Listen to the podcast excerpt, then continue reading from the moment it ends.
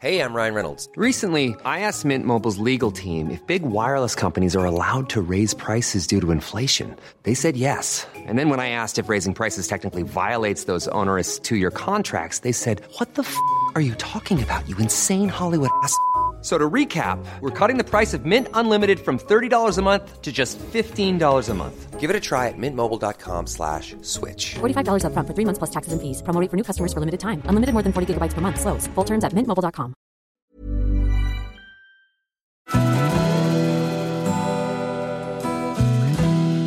Välkommen till Stora relationsguiden. Podden där parterapeuten Anneli Östling tillsammans med sin sidekick Bella guidar dig genom allt som har med kärlek och relationer att göra. Följt av väl beprövade tips och råd.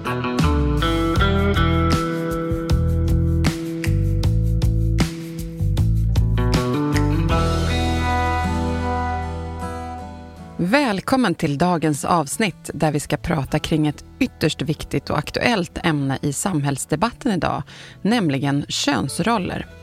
Vi har äran att få gästas av Louise Arvidsson som är författaren bakom den nyligen utgivna boken Morgondagens könsroller. Louise har en imponerande akademisk bakgrund och erfarenhet inom journalistik och mental hälsa. Med över 400 studier och referenser i psykologi, biologi och populärkultur ger hon oss en ovärderlig insikt i hur vi kan navigera genom karriär, föräldraskap, skönhetsideal, kvinnokroppen och biologisk utveckling. Även sex och relationer. Samt vilka omedvetna föreställningar vi bär på om oss själva och andra.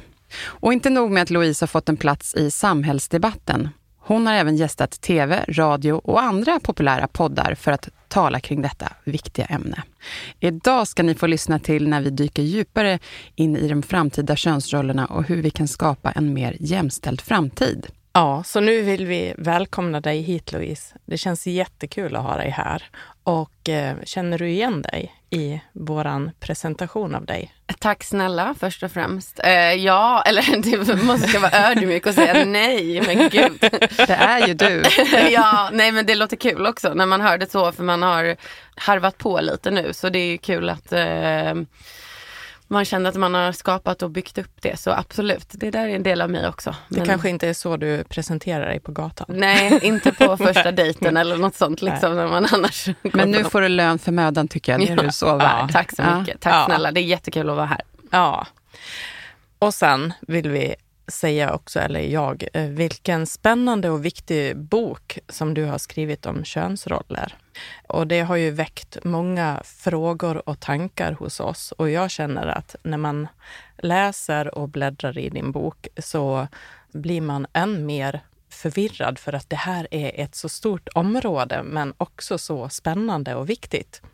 Och eh, vi har valt att fokusera på frågor som gör att vi får en inblick i det du har landat i med boken. Så det är det vi hoppas få svar på och som vi också tror är värdefullt för våra lyssnare och deras relationer till sig själva och till sin partner.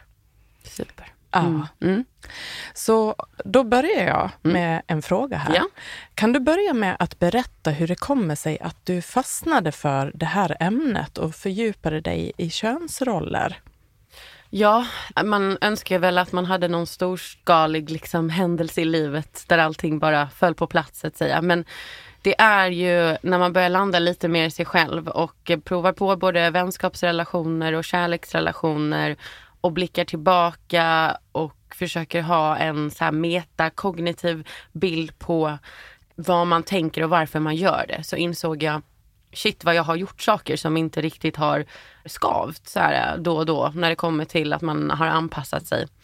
Så det gäller både mina egna erfarenheter, både när det kommer till, um, ja men man står på um, fotbollsplanen eller brännbollsplanen och liksom det är så uppdelat och det är så fast man bara eh, vill ta för sig liksom. Så det har väl varit sådana små saker.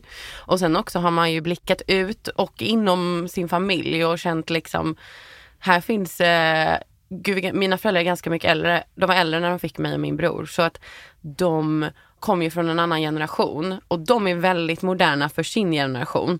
Mm. Men man möter ju människor i liknande åldrar och känner jäklar vad mycket som har hänt Mm. och vad mycket som man har velat hända men som inte har hänt. Mm. Så med de insikterna så insåg jag efter jag läst psykologi att eh, det är dags att börja titta på det här och det bara eskalerade till fyra års eh, research och Ja, skrivande. det är inte då- dåligt jobb, verkligen, fyra år. Apropå det då, så kom en följdfråga. Hur kom du fram till att det var viktigt för dig att skapa den här boken? Ja men det var väl just det att eh, jag blev absolut inspirerad av de senaste eh, åren som har hänt med metoo och så. Och det tror jag många av oss har eh, fått en förstärkt känsla av. Och också hur man som egen individ kan påverka i små sammanhang som ger ringar på vattnet. Så då kände jag att okej, jag har alltid velat skriva och jag har nog en liten förmåga att kunna göra det.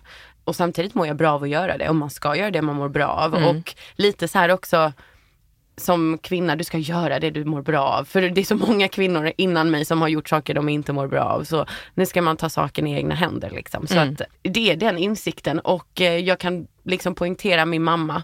Hon har varit ovärderlig i hela processen. Hon är så cool och eh, varm och stöttat mig hela vägen. Så boken hade inte funnits om det inte vore för henne. Eh, Mm, hon. Ja, så att hon har varit en stor del i att hon kommer från en mer konservativ bakgrund och jag delvis också på grund av liksom, ja, men umgängeskretsar och sådär. Och i den konservativa bakgrunden så har man ju ännu mer nästan skrivit på pränt vad det är som gör att vi delar upp könsrollerna i de relationerna vi har. Och sen om vi tittar bak på 16-1700-talet, jag har ju en del historia med i boken också, så it trickles down, alltså det rinner ner sen till de senare mindre konservativa miljöerna men det blir omedvetna föreställningar istället för att det står skrivet. Så.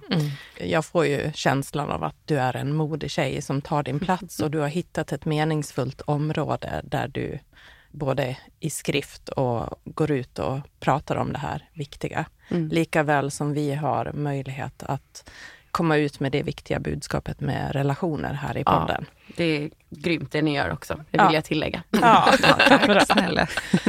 Eh, Du skriver i din bok att det fortfarande finns kvar en hel del stagnerade och föråldrade könsroller. Om du ska bli lite mer konkret, vad innebär det?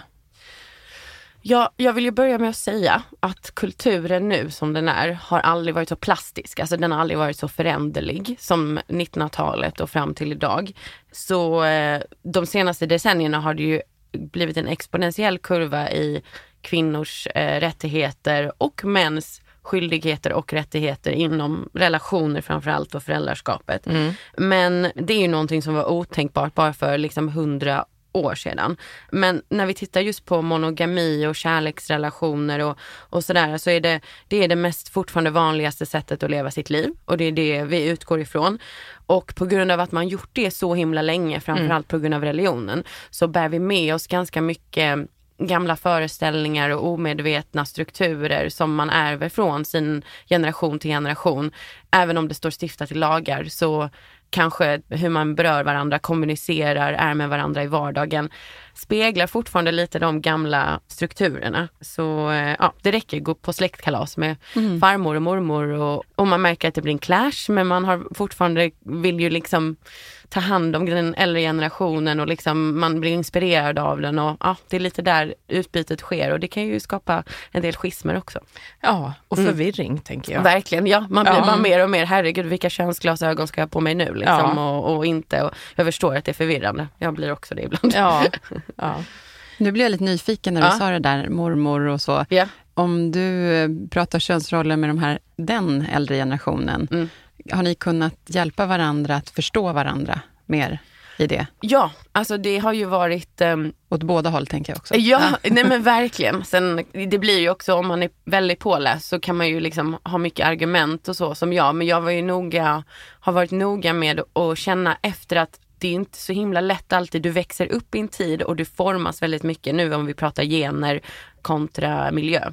Så det finns bara så mycket och vi har ju fina exempel på kvinnor genom historien som har tagit sig igenom nålsögat på många sätt trots att de inte fick, de hade inte kapital, de ville inte om vi började pratar vetenskap och så. Men man måste ändå ha respekt för att man befinner sig i den miljön man växer upp i och de besluten som togs då, jag kanske hade tagit samma typ av beslut om jag var den kvinnan. Liksom. Det. Så det gäller ju, ver- och, och mannen. Så det gäller ju verkligen att mötas. Men det är en väldigt stor skillnad tycker jag hur jag kan bemöta äldre män och äldre kvinnor. De hittar ju mer gemensamhetspunkter med mig, de som är farmödrar, mormödrar så att säga.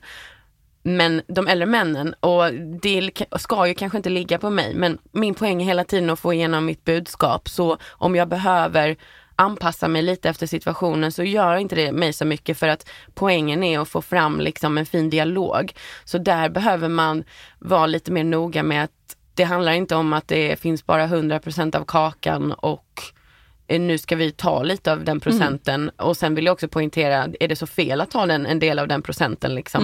Om du kan respektera mig som människa. Så eh, jag lämnar oftast, eh, som jag gjorde förra veckan, gubbar lite förvirrade och, ar- och arga och sådär. Men det är, en, det är en härlig känsla för man vaknar upp nästa dag och får något sms och bara Ja, ja, okej, ja. Mm. Ja, de, de fick ändå med sig, någon, bar med ja, sig men får någonting med. Mm. sig någonting liksom och så hoppas man att man är åtminstone bjuden på nästa grej också.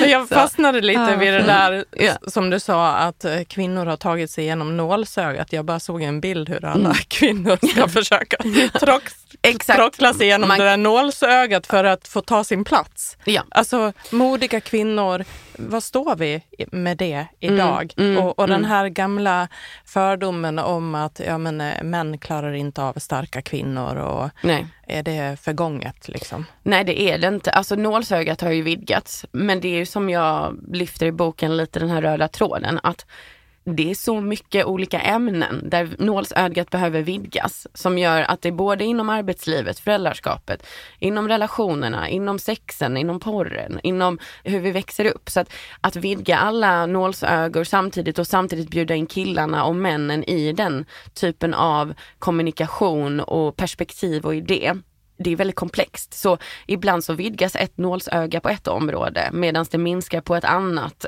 Och eh, nu har vi influencerbranschen med mycket utseendeideal och skönhetshets och jag pratar med några kvinnor som är uppväxta liksom, ja men 70-talsrörelsen och sådär och de förstår inte riktigt vad det är som pågår här. Så. Men det är, jag tror det är en process vi behöver gå igenom men absolut att vi är på väg åt rätt håll när det kommer till alla områdena. Vi måste också få med männen bara på den resan helt enkelt. Så modiga kvinnor kan också föda kanske känslosamma, modiga män på den området. Så, ja, kan, ja, det är sant. Även om inte det är bara vårt ansvar. Men ja, Nej. jag märker ju på min pojkvän nu som liksom, jag tänkte på dig i den här grejen. Liksom. De har gjort eh, en kampanj med kvinnor som har olika typer av liksom, kroppstyper och sådär. Och det tyckte vi var, jag var väldigt bra för han sitter i ledningsgruppen på en grej.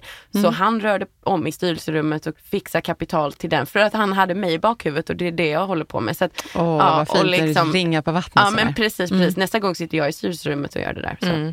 ja. Men det här är också något som du eh, nämner i boken Mm. om hur viktigt det kan vara att pojkar kan få inspireras av starka kvinnor Mm. i sitt liv. Jätteviktigt. För om vi tänker nu som just att det är väldigt okej för tjejer att ha olika typer av em, förebilder, män som kvinnor. För att när vi då plötsligt har öppnat upp vissa områden, vetenskapen, sporten, arbetslivet generellt, så har det ju inte funnits så mycket kvinnor att se upp till. Då har det ju liksom blivit naturligt att men jag vill bli astronaut, de som finns är bara män och så vidare. Och så, men problematiken ligger ju lite i att pojkar ser sällan upp till kvinnor. Och det är ju för att kvinnor inte funnits lika mycket i det offentliga området. Men det är i huvudsak för att man har värderat kvinnors arbete, beteende, sätt att vara, det som man stereotypiskt ser som kvinnligt som lägre.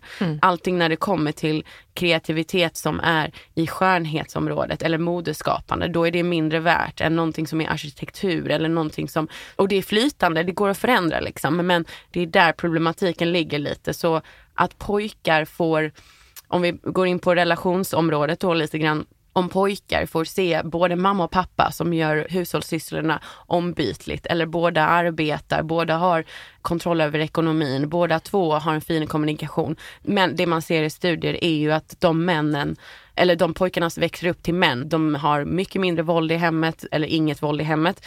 De har betydligt bättre kärleksrelationer som håller längre för att det finns en genuint liksom respekt uppbyggd mot kvinnan och ja, alla de områdena. Så det är jätteviktigt att pojkar också får kvinnor som förebilder. Mm. Mm. Vad fint. Jag satt och drömde mig bort, för jag känner en pojke som är 12 år idag, ja. som är den här pojken. Han fyller år just idag, så jag känner ja, att det här är dedikerat honom. Ja, ja. ja, ja vad fint. Tack. Man får mm. mycket bilder här. Mm. Nu tar jag en fråga vidare här. Ja. Hur kan förväntningar och budskap om könsroller som vi får till oss via populärkultur och exempelvis sociala sammanhang, hur kan de påverka parrelationer, hur de formas och upprätthålls? Mm populärkulturen pratar jag ju en del om att den har en väldigt viktig roll i eh, framförallt i våra unga år. Det är ju eh, sällan oh, 60-åringar idag um, hyllar Rihanna utan de ser ju tillbaka på sina gamla idoler och det är det man också har som förebilder. Så just i hur populärkulturen förändras har en väldigt stor inverkan på våra unga och det är ju de lätt lättare ämnena, det vill säga yttre ideal, anpassning, kompisar, vad ska jag göra, vad ska jag inte göra och väldigt så basala grejer som sen sätter sig kanske i ett mönster i hur man förhåller sig till sig själv, sin kropp, sina andra människor, män och kvinnor, hur de förhåller sig till varandra. De kärleksrelationer vi ser i populärkulturen mm. påverkar väldigt mycket i hur vi själva tränas till att kommunicera på ens verkliga dejt eller hur man pratar med kompisarna om det. Liksom. När Girls på HBO kom 2012 tror jag, det var ju en väldig eh, det var ny Sex and the City sa man, liksom, där man inte behövde ha den här typen av skönhetsobjektifiering men också inte heller ha den här stereotypiska bilden på vad en relation är. Så att det börjar förändras även ja, där. Ja, och just det blev så tydligt också hur den generationen, det var delvis mig, jag var 18 då ungefär, hur mycket man tar med sig från populärkulturen och eh, alla sociala sammanhang. Alltså det är så, påverkar oss så mycket i vårt verkliga liv och eh, där vill jag ju tillägga liksom att miljön är ju den stora faktorn här som vi kan påverka och det är där det kommer ifrån. Och mm. dock när det kommer till relationer så ser man ju att om vid skilsmässa, som sker 50 av fallen av alla giftermål, tragiskt nog, är ju det kvinnorna som håller i de sociala gemenskaperna och det gör att när man lämnar så är det kvinnorna som behåller de sociala gemenskaperna och männen mm. tappar. Så det finns en väldigt negativ liksom, spiral där också för att då är det kvinnan som påverkas och påverkar av de sociala sammanhangen och populärkulturen. Mm. Och männen går lite i blindo. Där liksom brister kommunikationen lite grann. Så.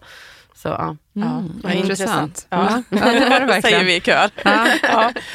Men eh, du nämner också, mm. det hänger ihop med det här, mm. den gamla normalordningen i heterosexuella relationer.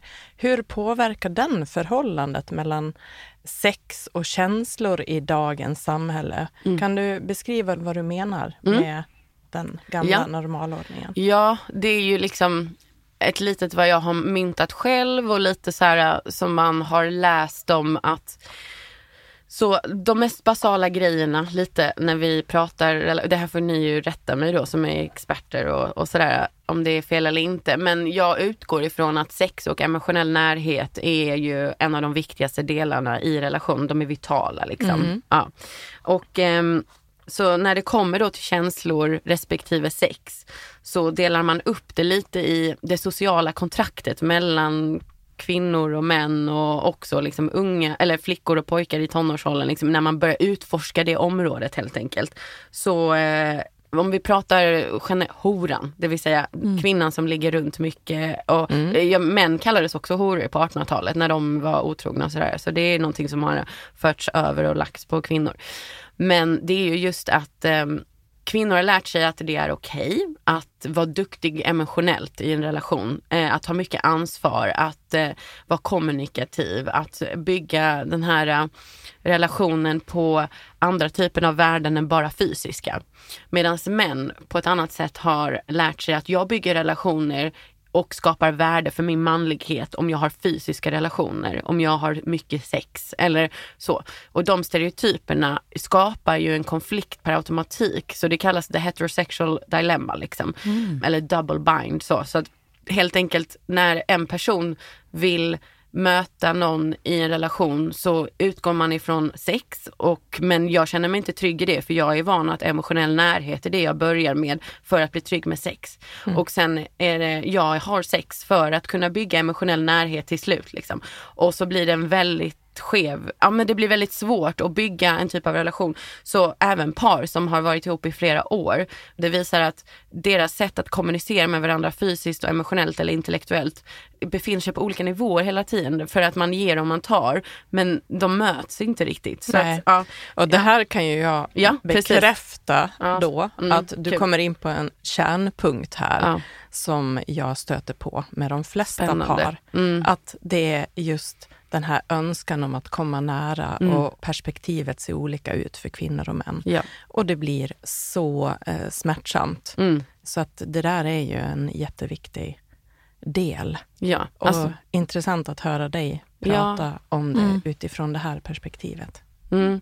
Nej men precis. Och det byggs på sen i liksom vårt sätt att kommunicera. Och om det är biologiskt eller om det är miljömässigt, det liksom, spelar egentligen ingen roll för att man kan om man förstår varandra och så kommer man kunna möta varandra på ett sätt, det tror jag du kan bekräfta också Anneli, just att liksom alltså kärlek och, och, relationer är ju just att möta varandras behov på något sätt och kompromissa. Det är lite det som är eh, tanken och det fina i det. Liksom. Mm. Mm. Men just att det handlar om att man har kommit med olika ingångslägen. Exakt, uh. väldigt svårt om man är uh. ung person också och uh. inte förstår vad ens ingångsläge och värde är. Mm. Liksom, flickor lär sig att sitt värde ligger inte i att ha mycket sex utan blir snarare skambelagda för det och tvärtom för pojkar. Och det man ser i många studier med pojkar är att de mår ganska dåligt. De känner sig pressade till att prestera och ha mycket sex. Jag har pojkar och män liksom i min närhet som har beskrivit det här nu i efterhand att Alltså jag gjorde det bara för att, och då blir ju också sexet väldigt känslolöst och mm. väldigt eh, obetydligt. Så att, och då blir det liksom dubbelt fel åt båda hållen helt enkelt. Mm. Ja. Han kan gå ut och säga till sina killar att ja, jag presterar det här, lalala. men man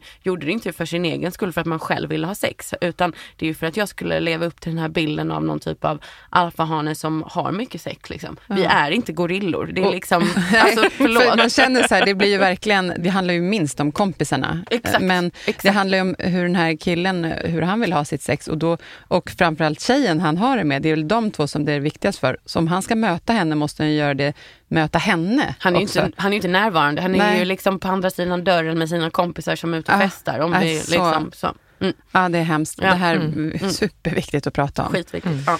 Jag tar oss lite vidare här. Ja. Um, hur kan par navigera och hantera de utmaningar som uppstår när traditionella könsmönster och förväntningar krockar med en mer jämställd syn på relationer? Alltså vilka utmaningar kan det bli då? Ja, eh, först och främst, lösningen är kunskap typ. Och prata, det är min spontana. Alltså, och jag har väl också varit så, innan jag dejtade så var jag väldigt, kan den här äh, killen prata? Kan han prata? Kan han möta? Hör han vad jag säger? Funkar det inte det, ja det är klart mm. att man ger chanser men nej det är ingenting för mig. Nej, på då sig. lämnade du strutsen och gick ja, därifrån. verkligen. Ja. Betalade min egen drink och gick ja, därifrån. Ja, liksom. ja, det är bra. Ett bra tips för kvinnor som är ute och dejtar. Verkligen, verkligen. Alltså så här, um, mitt var väl just att jag vill inte få ett projekt på händerna. Det har varit lite så en fjäder i hatten ibland. Han är mitt projekt och jag ska hjälpa honom. Och det blir bara, alltså ärligt talat att du blir hans mamma igen. Det ja. är inte någonting, och, eller pappa. Alltså återigen, mm. det är mm. pappan också som ska ja. ha en roll i det här. Du blir hans förälder liksom. Ja. Det där Men, känner vi igen. Ja, och, och man vänder åt andra håll kan ju också vara lika väl en kvinna som har jättesvårt Ex att prata om en man mm. som vill... Exakt, som vill prata mycket liksom. Så det gäller ju jättebra mm. poäng. För det är de vanliga stereotyperna kvinnorna och oftast är det mm. så, men det är ju det finns ju många kvinnor ja, men som man har omvänd och då kan det också förklara lite varför håller man sig så mycket inne eller varför pratar jag så himla himla himla mycket hela tiden mm. och det jag säger är det verkligen väsentligt. Liksom. Så. Mm. Nej men så det jag vill säga är att kvinnor som lever i relationer där männen ägnar sig mer åt det gemensamma hushållsarbetet som vi pratade om tidigare. De lever i lyckligare relationer idag. Och det kan ju låta lite oromantiskt och tråkigt att eh, man tar disken ihop och då blir det bättre relationer. Mm. Mm. Men det eskalerar i någonting annat för att har man ombytliga roller. Så det jag kan säga är bara återigen kunskap och sen om man har en partner som är väldigt traditionell eller stereotypisk, om man befinner sig i den, då skulle jag vilja säga att det hjälper aldrig att eh, anklaga en person liksom för någonting. Nej. För att då skapar man en gör man att den personen hamnar i defensive, alltså i försvarsställning. Och då är inte den personen mottaglig alls för att ta till sig någon typ av kritik eller möjlighet till förbättring eller ändring. Utan det man ska vädja till, som jag tror också man är kanske rädd för, är ju att bryr sig den här personen tillräckligt mycket om mig om jag säger att jag mår inte bra av det här det här funkar inte riktigt för mig. Jag skulle uppskatta om vi skulle kunna göra någonting annat. Och liksom är det en person som inte svarar, då är det väldigt smärtsamt för då kanske man behöver se verkligheten i vitögat lite. Att en person liksom inte möter en i det till slut och det är jäkligt jobbigt för att det är inte ditt jobb att ändra en person. Liksom. Sen kan man ju jobba på saker, alltså verkligen, men det ska finnas en vilja där från första början. Du känns precis perfekt här inne i våran podd. Det är så mycket sånt här som vi pratar om. Det är verkligen, du sätter Det verkligen... låter som en riktig relationsexpert. Ja, nej men, eh, och så vill jag bara poängtera den här maktbalansen också. Så eh, ibland kan man ju absolut dela upp grejer men att förhålla sig till de traditionella premisserna det skapar en otrygg maktbalans för att det är så man har format relationer förr. Så att bygga vidare på historien från hur kvinnor och män ska vara uppdelat, de hårdare och mjukare värdena uppdelade, det skapar en skev maktbalans. För vår värld är inte byggd på det viset. Vår värld är byggd på en arbetsmarknad där pengarna är väldigt viktigt och man kan tycka vad man vill om det, men vi måste också vara i verkligheten liksom. Och där vi har mycket självständighet. Du behöver vara självständig i relationen. Om du inte känner att du är självständig i relationen så får du inte en mer jämställd relation. Så är det. Oh, bra. Ja. Ja, där, där, då har vi bestämt det. Ja, jag bestämde. Och, ja. Sen är det, sen, det kommer alltid vara tufft att komma dit kanske. Men så länge du tänker på det och jobbar på det, då gör du rätt. Så. Det, Ingen kan vara perfekt, liksom. det är inte det. Men, ja. Mm. Bra Ja. där. Men nu tänker jag ställa en fråga här. Du nämner också i din bok om vikten av att eh, vad kan vara positiv effekt av att män deltar mer i hushållsarbete i relationer? Det kan nästan kännas lite förminskande och kränkande för män. Men jag förstår att det kan finnas en djupare betydelse eller vikt bakom det. Ja, alltså jag skulle inte vilja säga att det är kränkande. För att jag, att säga det initierar lite grann att det kvinnorna har gjort så himla länge, det är någonting vi nedvärderar. Ja. Så, och det beskriver ju också just, alltså 1980-talet så började man i EU se Okej, vi har obetalt arbete. Det är otroligt mycket arbete som görs för att fostra de här medborgarna till dugliga, arbetsamma, bra medborgare som vi ser ute, som är laglydiga och så vidare. Det arbetet beräknar inte vi. Så när kvinnor fick tillgång till det parlamentariska, liksom offentliga området, då såg man att nej men okej vi måste beräkna det här. Hur ska vi ta ett värde kring det? Så, men det var inte förrän 2003, så det tog över liksom 20 år att få in att man faktiskt skulle börja lägga resurser på att räkna konkret på allt det obetalda arbetet som framförallt kvinnor gör över världen. Liksom. Och eh, det är, eh, så kvinnor lägger ju ungefär tre månader mer per år på obetalt arbete än vad män gör. Sju år blir det liksom totalt om man lägger ihop det och det är ju en ekonomi, alltså det är ju en kandidat, en master och liksom lite till på det. Så det jag vill säga är att inställningsfrågan till just att man gör hushållsarbetet, att det skulle vara kränkande, det är ju fel i sig. Alltså så, nu är jag lite tuff så, Ja, men, ja. men just att det är väldigt viktigt att se att kvinnorna, det handlar om allting egentligen. Så om inte du har koll på disken eller koll på räntan som ni ska, amorteringskravet liksom, kravet som ni har i månaden. Det är samma sak nästan, för det handlar om att byta skor med varandra. Att byta plats med varandra och känna att du och jag är ett team och vi är de så att göra en del av hushållsarbetet är att vara människa. Eh, eller att ha en familj. Ja. Och därmed, och männen, och vi- för vi städar ju inte med våra könsorgan. Liksom. Så att, En rolig bild. Ja, jag, jag känner detsamma.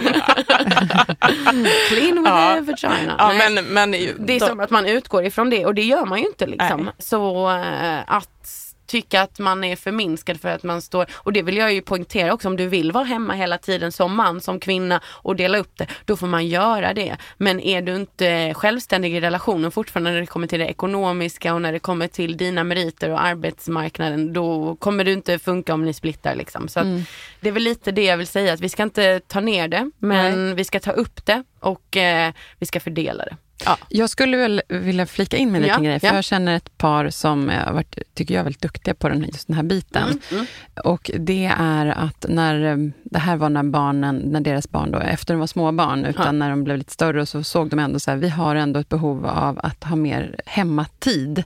Så då valde de så här, någon av oss kanske borde gå ner i tid, så vi får ihop livspusslet sådär. Mm. Och då så kom de fram till att, ja, men det var ändå då kvinnan som var så här, men det funkar mest med mitt arbete och jag vill och mm. så här, här, mm. hur, och kanske rent ekonomiskt då faktiskt. Men mm. då var helt givet för dem och för mannen att han var så här, men då ser jag till att eh, betala in samma pension som jag lägger åt sidan till dig, ja. så att inte du mister det här, utan det här är ju vi tillsammans mm. som gör det här för våran familj, inte så här, bara nu får du vara hemma och ja, du Nej, men... förlorade på det. Utan det känns viktigt att båda två ska gå liksom, lika vinnande ur det här, eller vad man ska säga. Ja, men vad har du att säga om det här då? Ja, ja, nej det är väl absolut på en nivå är det jättebra. Det, det liknar lite den amerikanska modellen, hur man lägger upp strukturen i att för att problemet ett är att kvinnor tjänar mindre för lika arbete. Så det gör också att kvinnor lättare hamnar i den situationen.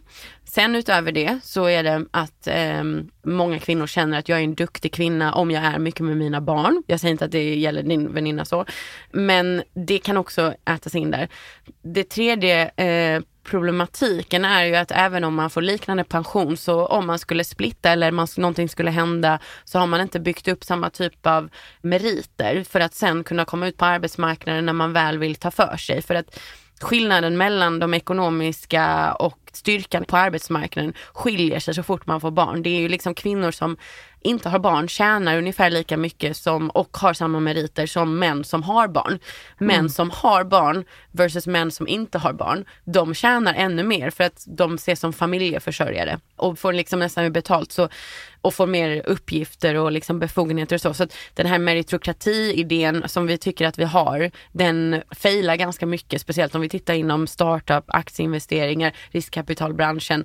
Det är homosocialitet som gäller, vilket betyder du är min vän, du är min vän, nu kör vi liksom. Att ta risker gör, gör, mm. man ju bara med någon man har förtroende för. Mm. Hur ofta umgås man på baren och, och dricker öl och kollar fotboll med folk man inte har förtroende för och där man kanske plötsligt börjar snacka business liksom. Mm. Så det jag vill säga där är väl just att det är en skitbra steglösning. Men, och det är ju någonting inte de kanske på en del sätt kan rätta till utan det är ju någonting som samhället kommer mm. behöva rätta till. Att just att om det är i en situation så är det inget mm. problematiskt men om det är tusentals kvinnor ja. som det är hela tiden, då är det ju någonting som gör att då är det ju kvinnorna som alltid blir sämre betalda. Ja. Eller, för jag pratar om sjukvårdsyrket också i boken. Varför är de så underbetalda när de räddar liv? Jag tycker det är helt sjukt. Ja, på, på, på, varför ska vi applådera istället för att höja deras lön under Exakt. corona? Det, det hjälper det inte dem att vi applåderar faktiskt. Absolut inte. Och det är liksom någon den här som att som kvinna ska du vara väldigt glad för att få liksom beröm och bekräftelse istället för att faktiskt få den här valutan som gör att du som vi har kommit överens om i samhället är det viktiga sättet att liksom ta sig fram och vara självständig. Vad man nu tycker om det, men det är där vi är. Mm. Så um, det är jättebra. Pensionen blir ju släpande men hennes meriter kommer ju fortfarande släpa till skillnad från hans. Liksom, och att jag, sin... jag kan mm. göra dig glad här. Hon ja. har en chefsposition. Ja. Hon är högst i där ja. på sin arbetsplats. Ja. Hon kan, eh, så att, eh, hon kan flexa funkade. och göra sitt egna. Det funkade. Ja, ja men skitbra. Att, eh, det är perfekt. Ja, men jag, jag håller ju med dig. Individuellt jag förstår. är det ju jätte, jättebra. I det här mm. fallet så det toppen. kändes skönt att kunna få säga det. Eller hur? Ja, det är jättebra. Det var bra. Mm. Det, är, det är väldigt uh, tydliga budskap här. Vad kul. Ja. Ja. Ja. gäller att vara konkret ibland. säga. Ja. Vi går vidare här till nästa fråga.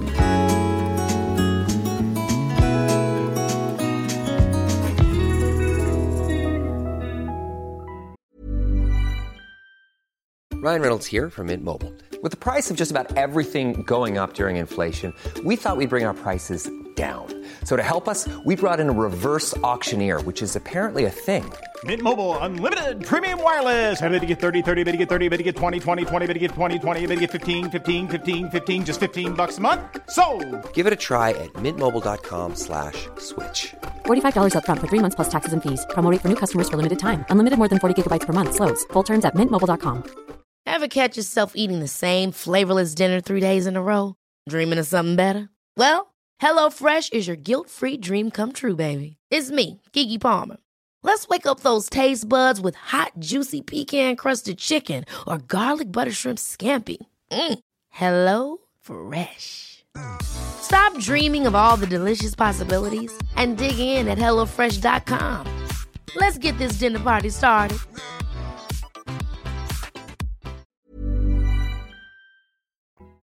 Vilka val kan kvinnor tvingas göra i sina liv på grund av förväntningar kopplade till moderskapet i en parrelation? Mm. Och då kommer vi lite till det som jag lyfte lite snabbt där. Ja. Just med att mödrar som eller kvinnor som har barn, de tjänar inte och inte lika mycket på arbetsmarknaden som män som är det tvärtom. Liksom. Så det jag vill säga är att en skev uppdelning av föräldraskapet har från början varit en nyckel i vad vi kallar patriarkatet. Liksom, för att hindra kvinnor på att ta sig till offentliga rum. Och eh, på så sätt få makt i samhället som man sen kan föra vidare till nästa generation och så vidare. Så eh, det som vi behöver är vill jag börja med och kommer avsluta också med är en fräsch definition av moderskapet, indirekt föräldraskapet. För för mig är det liksom Män är inte sämre föräldrar, vilket Nej, man, det, för, det första man tror. Liksom. Och eh, där ligger väl också lite problematiken i att, vilket man ser i väldigt många studier, att kvinnor, återigen den här, vad värderas jag? Vem är jag som mamma liksom? Och vem är jag som kvinna om jag inte liksom tar väldigt stort ansvar i hemmet? Det är ju att kontrollbehovet i hemmet tar sig ett stort uttryck som gör att männen inte riktigt får ta plats i föräldraskapet. Eh, och nej men gud, om inte de har exakt det här i den matsäcken så kommer de ju inte överleva den här utflykten. Så är det aldrig. Nej, och det, är- Eh, det är inte sunt, därför behöver man balansera här. Exakt, Ja. och då får han prova på. Han får göra på sitt sätt och eh, det kommer fejla ibland. Diskbänken kommer inte vara torkad så som man har tänkt. Nu säger jag inte att alla är så, men jag är verkligen inte så. Han städar mer än mig, så det är skönt. Men det får bli lite fel. Barnen kommer inte dö för att man liksom låter han ta ansvaret och att det inte görs på ditt sätt. Det ligger delvis också i vilken värdering man lägger i sig själv som kvinna och gör ett lika tecken med mamma. Så, ja förlåt. Ja, men det här möter jag ganska ofta Ja, när jag träffar par. Mm. Och Det kan ofta vara så att eh, en kvinna då är missnöjd med att hon känner sig tagen för given och Ja. hon får göra mest hemma och ta mest ansvar för barnen och, och, och det är själva konflikten. Mm. Ja. Och min upplevelse är att män ofta vill göra mera. Exakt, exakt. Och att de försöker men de har svårt för att komma in för Mm. att de blir kritiserade att de inte gör rätt. Exakt. Och jag har Gud, till och vad med varit Förlåt. med om att en man har sagt, men vet du vad, det här är inga problem för mig. Alltså vi kan ta varannan vecka. Jag kan börja nu på måndag, så tar jag hela veckan. Jag sköter det här med kontakterna med skolan och, Mm. och allt det här. Så tar vi varannan vecka framöver. Blir det bra för dig? Och det här slutade ju med att det här blev ett problem i sig, för att Mm. hon ville inte släppa. Nej. Alltså hon... Eh, Nej, hon då, är, då är det ju inte fel på vad han- hans intentioner och nej, vilja är. nej liksom, och, utan då ligger det något annat bakom, Exakt. förstår man. Exakt. Så att eh, min upplevelse är att män idag ofta vill ta en större del i hemmet, men att de kanske inte tillåts. Och det gör också att män känner ett större utanförskap Exakt. och närhet till barnen. Och Exakt. vilket inte är sunt. Så att här behöver verkligen kvinnor skärpa sig. Nu Ja. generaliserar vi. Ja, När det kommer till den här punkten då, Ja. att tänka också på hur mycket släpper jag in? Om vi vi vill vara 50-50 i det här så måste jag släppa också på samma sätt. Då. Lite så, alltså bilden så här, när jag möter ibland när jag liksom är ute och pratar just om att ja, men, försök fördela upp det bättre, det gynnar er relation. Det gynnar ert barn också för att, och om om de säger så, men jag vill vara hemma, jag vill göra jättemycket. Okej, men vad hade du gjort och sagt om det var tvärtom? Om din man sa, jag vill vara hemma, jag vill göra jättemycket. vad hade du gjort då? Alltså så här, Mm. har inte, han har precis lika mycket rätt om han visar sig som, om man är liksom fullvärdiga föräldrar, att ta lika stort ansvar och lika kapabel. Perspektivet man ska ha i det här är alltid barnperspektivet. Ju. Det är Mm. de som kommer i centrum. Det är de som är prioriteringen. Så att kontakten som fäderna får med eh, Barnen. barnen. Både de fysiska som man visar liksom precis efter förlossningen men också senare även under amningen. De är jätteviktiga. Mm. Den connection som han bygger med sitt barn eh, det triggar oxytocin och positiva hormoner hos mannen också. Mm. Där man får den här fina connection med barnet och att inte vara närvarande oavsett om det är att han inte vill vara det alternativt om kvinnan inte tillåter det eller det blir liksom en sån här um, possessive thing. Det är inte hälsosamt. Då har man Nej. inte barnperspektivet i centrum och det är precis det man ska ha. Barnet har inte blivit valt att bli satt till världen. Det är du som har valt det. Det är ni som ska ta största ansvaret för att få det att må så bra som möjligt. Ja, men här har jag ett annat tydligt exempel också och det är just det här med att vara föräldraledig. Det är ju vanligast att kvinnan är hemma först och sen ska mannen vara föräldraledig. Och bara det här att kvinnan ska släppa kontrollen, gå iväg till jobbet och sen kanske komma hem och middagen är klar, allting är fixat, barnen mår bra och det är bytta blöjor. Det här brukar vara en jättesvår grej för många kvinnor som tappar kontrollen fullt och, och blir att känna sig sådär icke behövda eller oviktiga. Helt plötsligt så har mannen fått mer en bättre relation och Ja. närhet till barnen. Jag tänker bara skönt. Ja, bra. ja, då kan du ta det. Nej men så här, och de som är mer konservativa skulle nog säga, ja men det här beror ju på att kvinnor är födda till att ta hand om barnen längre och de känner ju en inneboende liksom, dragningskraft till att liksom vara nära för det är där de ska vara. Jag hävdar dock att det handlar mycket mer om vad, återigen, när vi är väldigt små, hur vi formas som barn och hur vi säger till flickor och är väldigt noga med att de kan leka familj, de kan leka mamma, pappa, barn. Vi lär oss, vi lär flickor att mycket mer tycka om ansvaret och vara närvarande och värdera sin kvinnlighet ut efter den typen av emotionell struktur och närhet och att barn är någonting som är, är lika med dig. Absolut, vi bär barnen och så men det finns flera samhällen som man, om man tittar tillbaka i historien, där eh, männen tar större ansvar, där man är flera pappor som delar på ansvaret för man trodde, det finns fortfarande kvar i Brasiliens regnskog just nu, de som lever utanför eh, det urbana samhället. De, eh, där tror man att eh, om jag vill ha ett smart, ett snyggt och eh, ett kreativt barn, då har jag sex med mannen som är smart, med mannen som är kreativ och med mannen som är snygg. Och så tar de tre föräldrarna liksom på sig för man liksom inte, man funderar inte över vem spermier är det här. Och där kommer vi Jaha, du menar man, en kvinna har då sex med tre män och så får man liksom- se vem... Nej men nej, så, och så det barnet som blir till så tar alla föräldrarna tar... ehm, Jaha, eh, så de, de visar eh, sina olika egenskaper. Ja men typ liksom. så. Och så liksom... Tre eh, musketörerna. Ja, eller hur? Nej men eller så väljer hon bara liksom, okej men nu hade jag sex med de här männen och det barnet som blir till, vi gemensamt tar hand om det liksom. Och det finns i, uppe i Ryssland också, i Sibirien som man inte tror med Ryssland. Alltså det finns flera, och i Mongolien också. Och det här har ju levt kvar och det handlar ju lite om vår bild av vad som ska vara familj och inte. Och återigen, varför kvinnans sexualitet har kontrollerats i tusentals år. Alltså framförallt religionen fick under romarriket och antiken, det fick en otroligt stor eh, påspridning på kvinnors kontro- eller kontroll av kvinnors sexualitet. Det är ju just att jag vet, jag måste hålla dig hemma fastkedjad vid spisen. För att om jag inte har det så vet jag inte vem du har sex med. Och om inte jag vet vem du har sex med så vet jag inte vilket som är mina barn. Och om inte jag vet vilka som är mina barn så kan inte jag vara ute och skapa all den här liksom marken, förmögenheten, alla möjligheter och vem jag ska ge nästa generation till. Och det är där också idén om äktenskapet föddes lite, att man bygger allianser och man bygger så. Vi har ju förändrat det till ett mer positivt sätt. Gud Men- vad du är bra på att förklara. Tack för det. Man ser små filmer så här. Ah, där man letar sin mark till de här barnen som man ska avla. Ja. Nej, kan men ju- precis, precis. Man kan ju verkligen Ja. förstå det här systemet. Ja. Det är klart att en man vill ha den tryggheten. Exakt, för att vi kvinnor i till exempel Egypten, nu snackar vi 3000 år sedan ungefär, Ja. vi är Eufrat och Tigris liksom. Det var kvinnorna som styrde.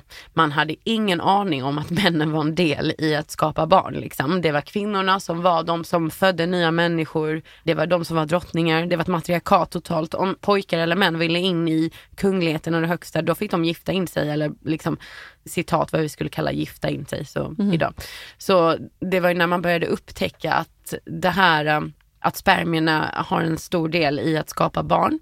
Och att sen så när de kommer krigarna ner från eh, Asien eh, ner till eh, afrikanska Turkiet och liksom nordafrikanerna. Och religionen tog sin plats liksom och det blev bara religiösa manliga ledare och sådär. Så bör, nu snackar vi Kristus och allt sånt här. Alltså. Ja, det, Jätteintressant. Ja, det, det är liksom, det, återigen, det finns så mycket andra samhällen vi har haft tidigare. För vi har ju varit utvecklade som vi är nu ungefär i 10 000 år. Liksom. Så, och bara det vi har haft nu i 2000 år. Så det behöver inte vara det rätta systemet. Nej. Det här är så intressant och det bara växer. Allt man skulle blir, vilja mer, du blir mer förvirrad veta. Ja. Louise, du nämnde ett exempel med Island. Kan du berätta lite mer om det och vad kan andra länder lära av Islands erfarenheter? Mm. Nej, men Island är ett intressant exempel och rätt konkret. Till att börja med vill jag bara nämna Sveriges sambeskattning under 70-talet som väldigt många andra länder har.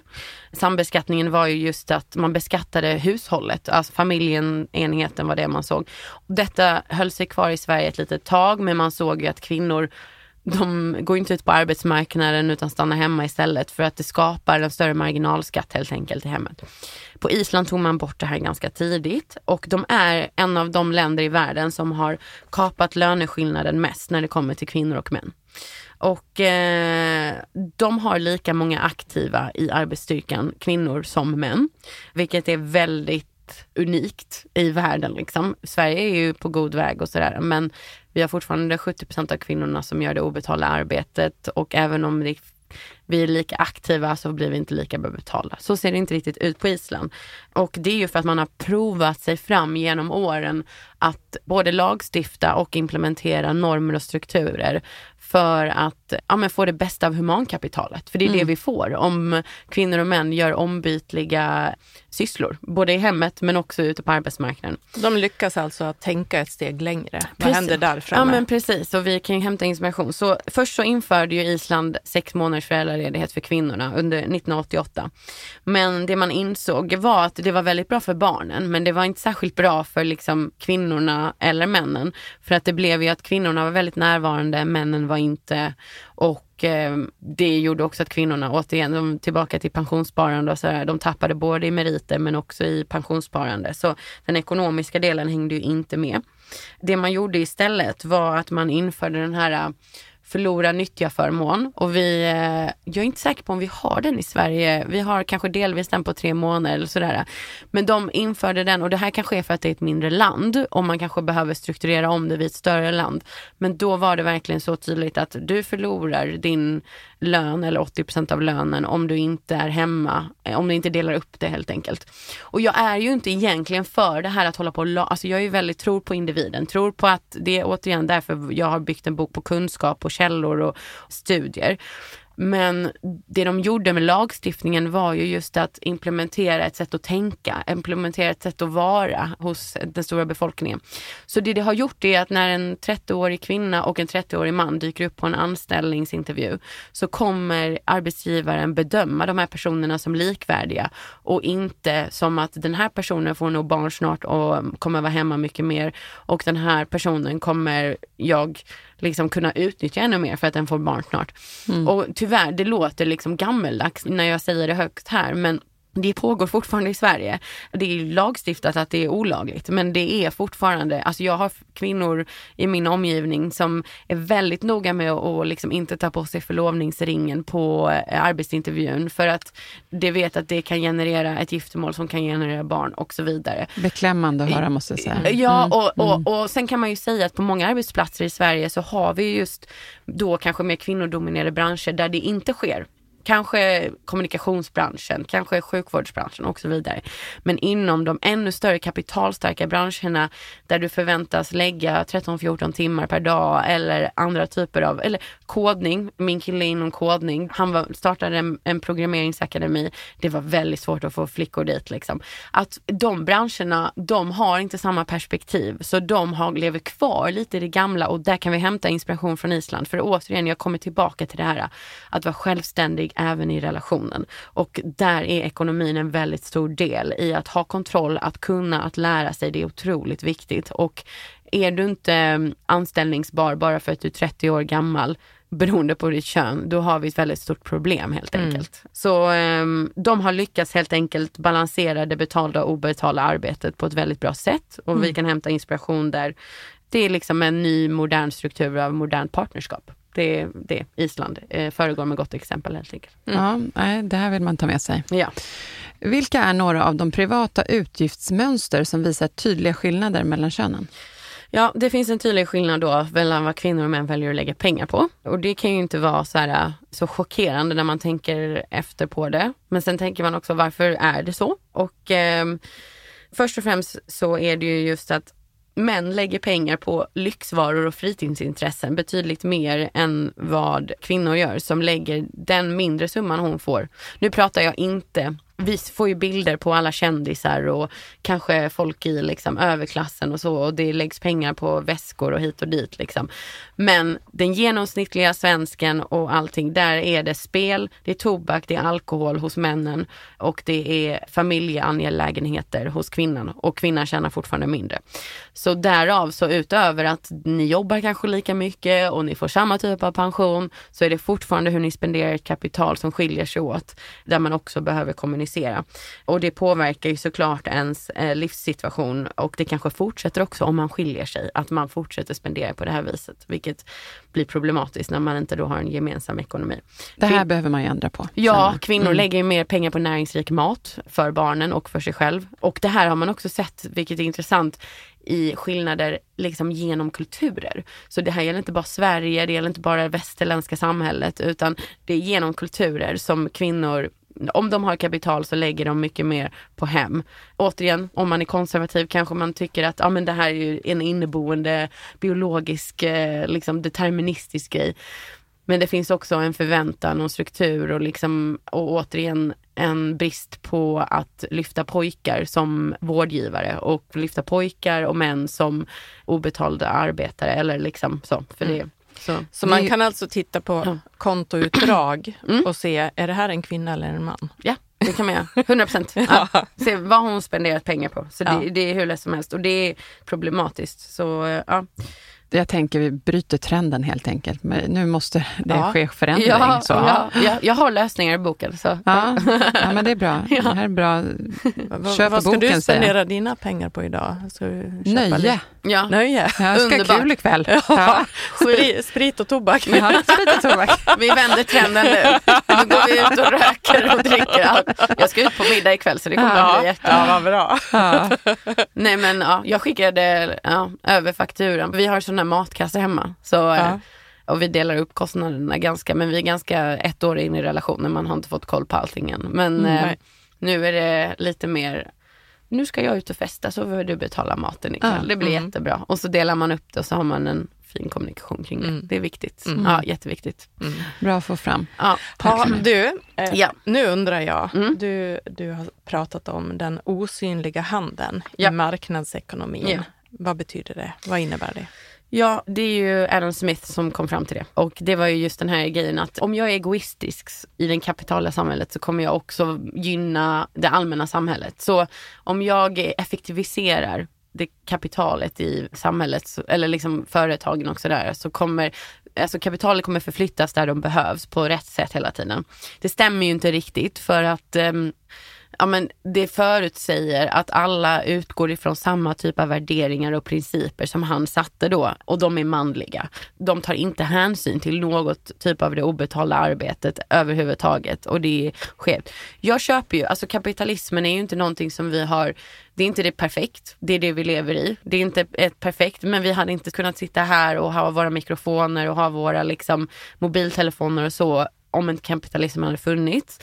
Sen finns det ju olika sätt att fördela pengar på, men det jag vill säga är just att vi saknar meritokrati och eh, kapitalismen är inte perfekt men vi måste anpassa oss efter det och bara för att någon ska vara egoistisk så gynnar det inte samhället alltid perfekt utan det gäller att eh, luckra upp lite den här, och återigen, nu kommer jag tillbaka till den här förebilden, att pojkar ska ha också kvinnor som förebilder. Att alla typer av egenskaper, empati, värme, kärlek, lugn, trygghet. De egenskaperna är också okej okay för pojkar att anamma. För det är många pojkar idag i skolan, i svenska skolan, som säger att de här känslorna är inte okej okay för mig att känna eller visa. Och det är tragiskt. Mm. För männen har mycket högre självmordsstatistik och eh, vi är övertygade om att det beror på deras brist på känslor. Så. Och här råkar jag veta att det jobbas på skolmaterial ja. för att lära barn ja, att mm. prata om känslor just för att få dem att må bättre och få ner psykisk ohälsa och Viktigt. i längden eh, självmord. För ja. det är där pojkar och män och äldre män framförallt. Överrepresenterade. Ja, mm, mm, exakt. Mm, nej.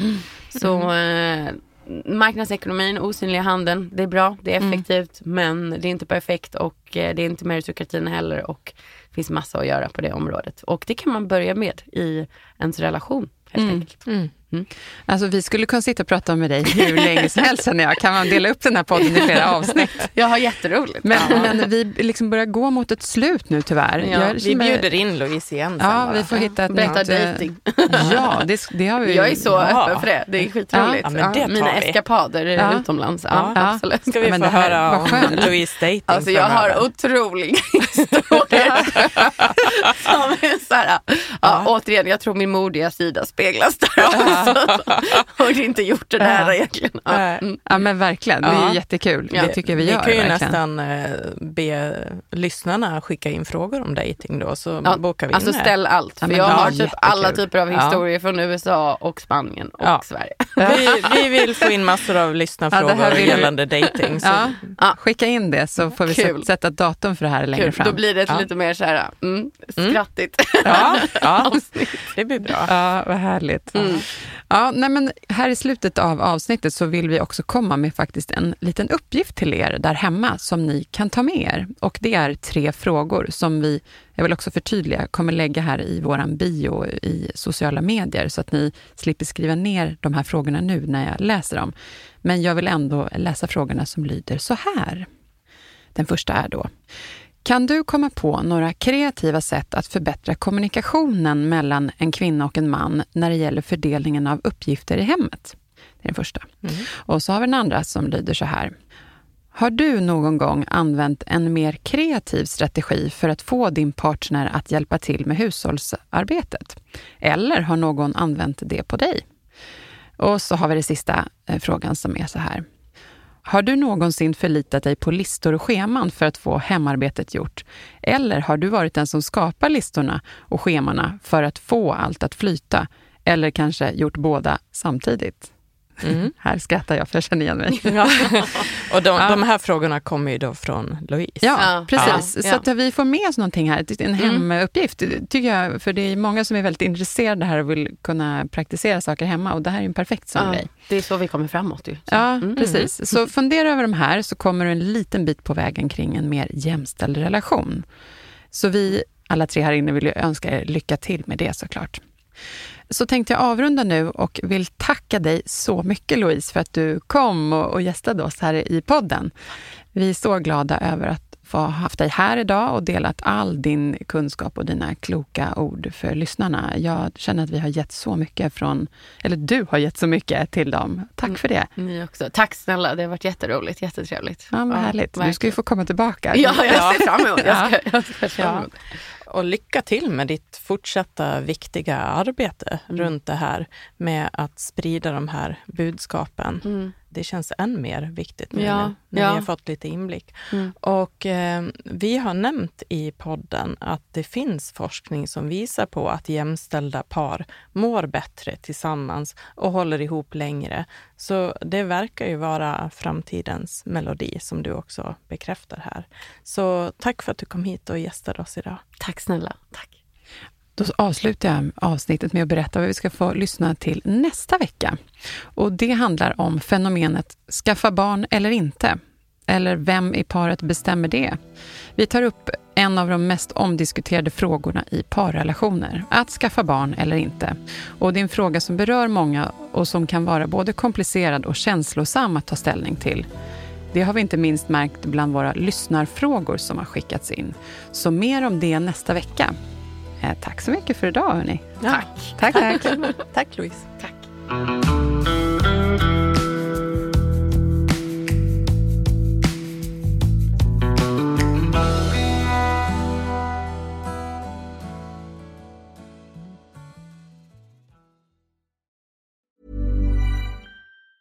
Ever catch yourself eating the same flavorless dinner three days in a row?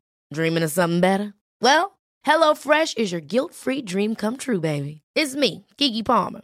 Let's wake up those taste buds with hot, juicy pecan-crusted chicken or garlic butter shrimp scampi. Mm. Hello Fresh. Stop dreaming of all the delicious possibilities and dig in at HelloFresh.com. Let's get this dinner party started. Hi, I'm Daniel, founder of Pretty Litter. Did you know cats tend to hide symptoms of sickness and pain? I learned this the hard way after losing my cat, Gingy. So I created Pretty Litter, a health monitoring litter that helps detect early signs of illness by changing colors, saving you money and potentially your cat's life. Pretty Litter is veterinarian developed, and it's the easiest way to keep tabs on your fur baby's health right at home. Go to prettylitter.com and use code ACAST for 20% off your first order and a free cat toy. Terms and conditions apply. See site for details.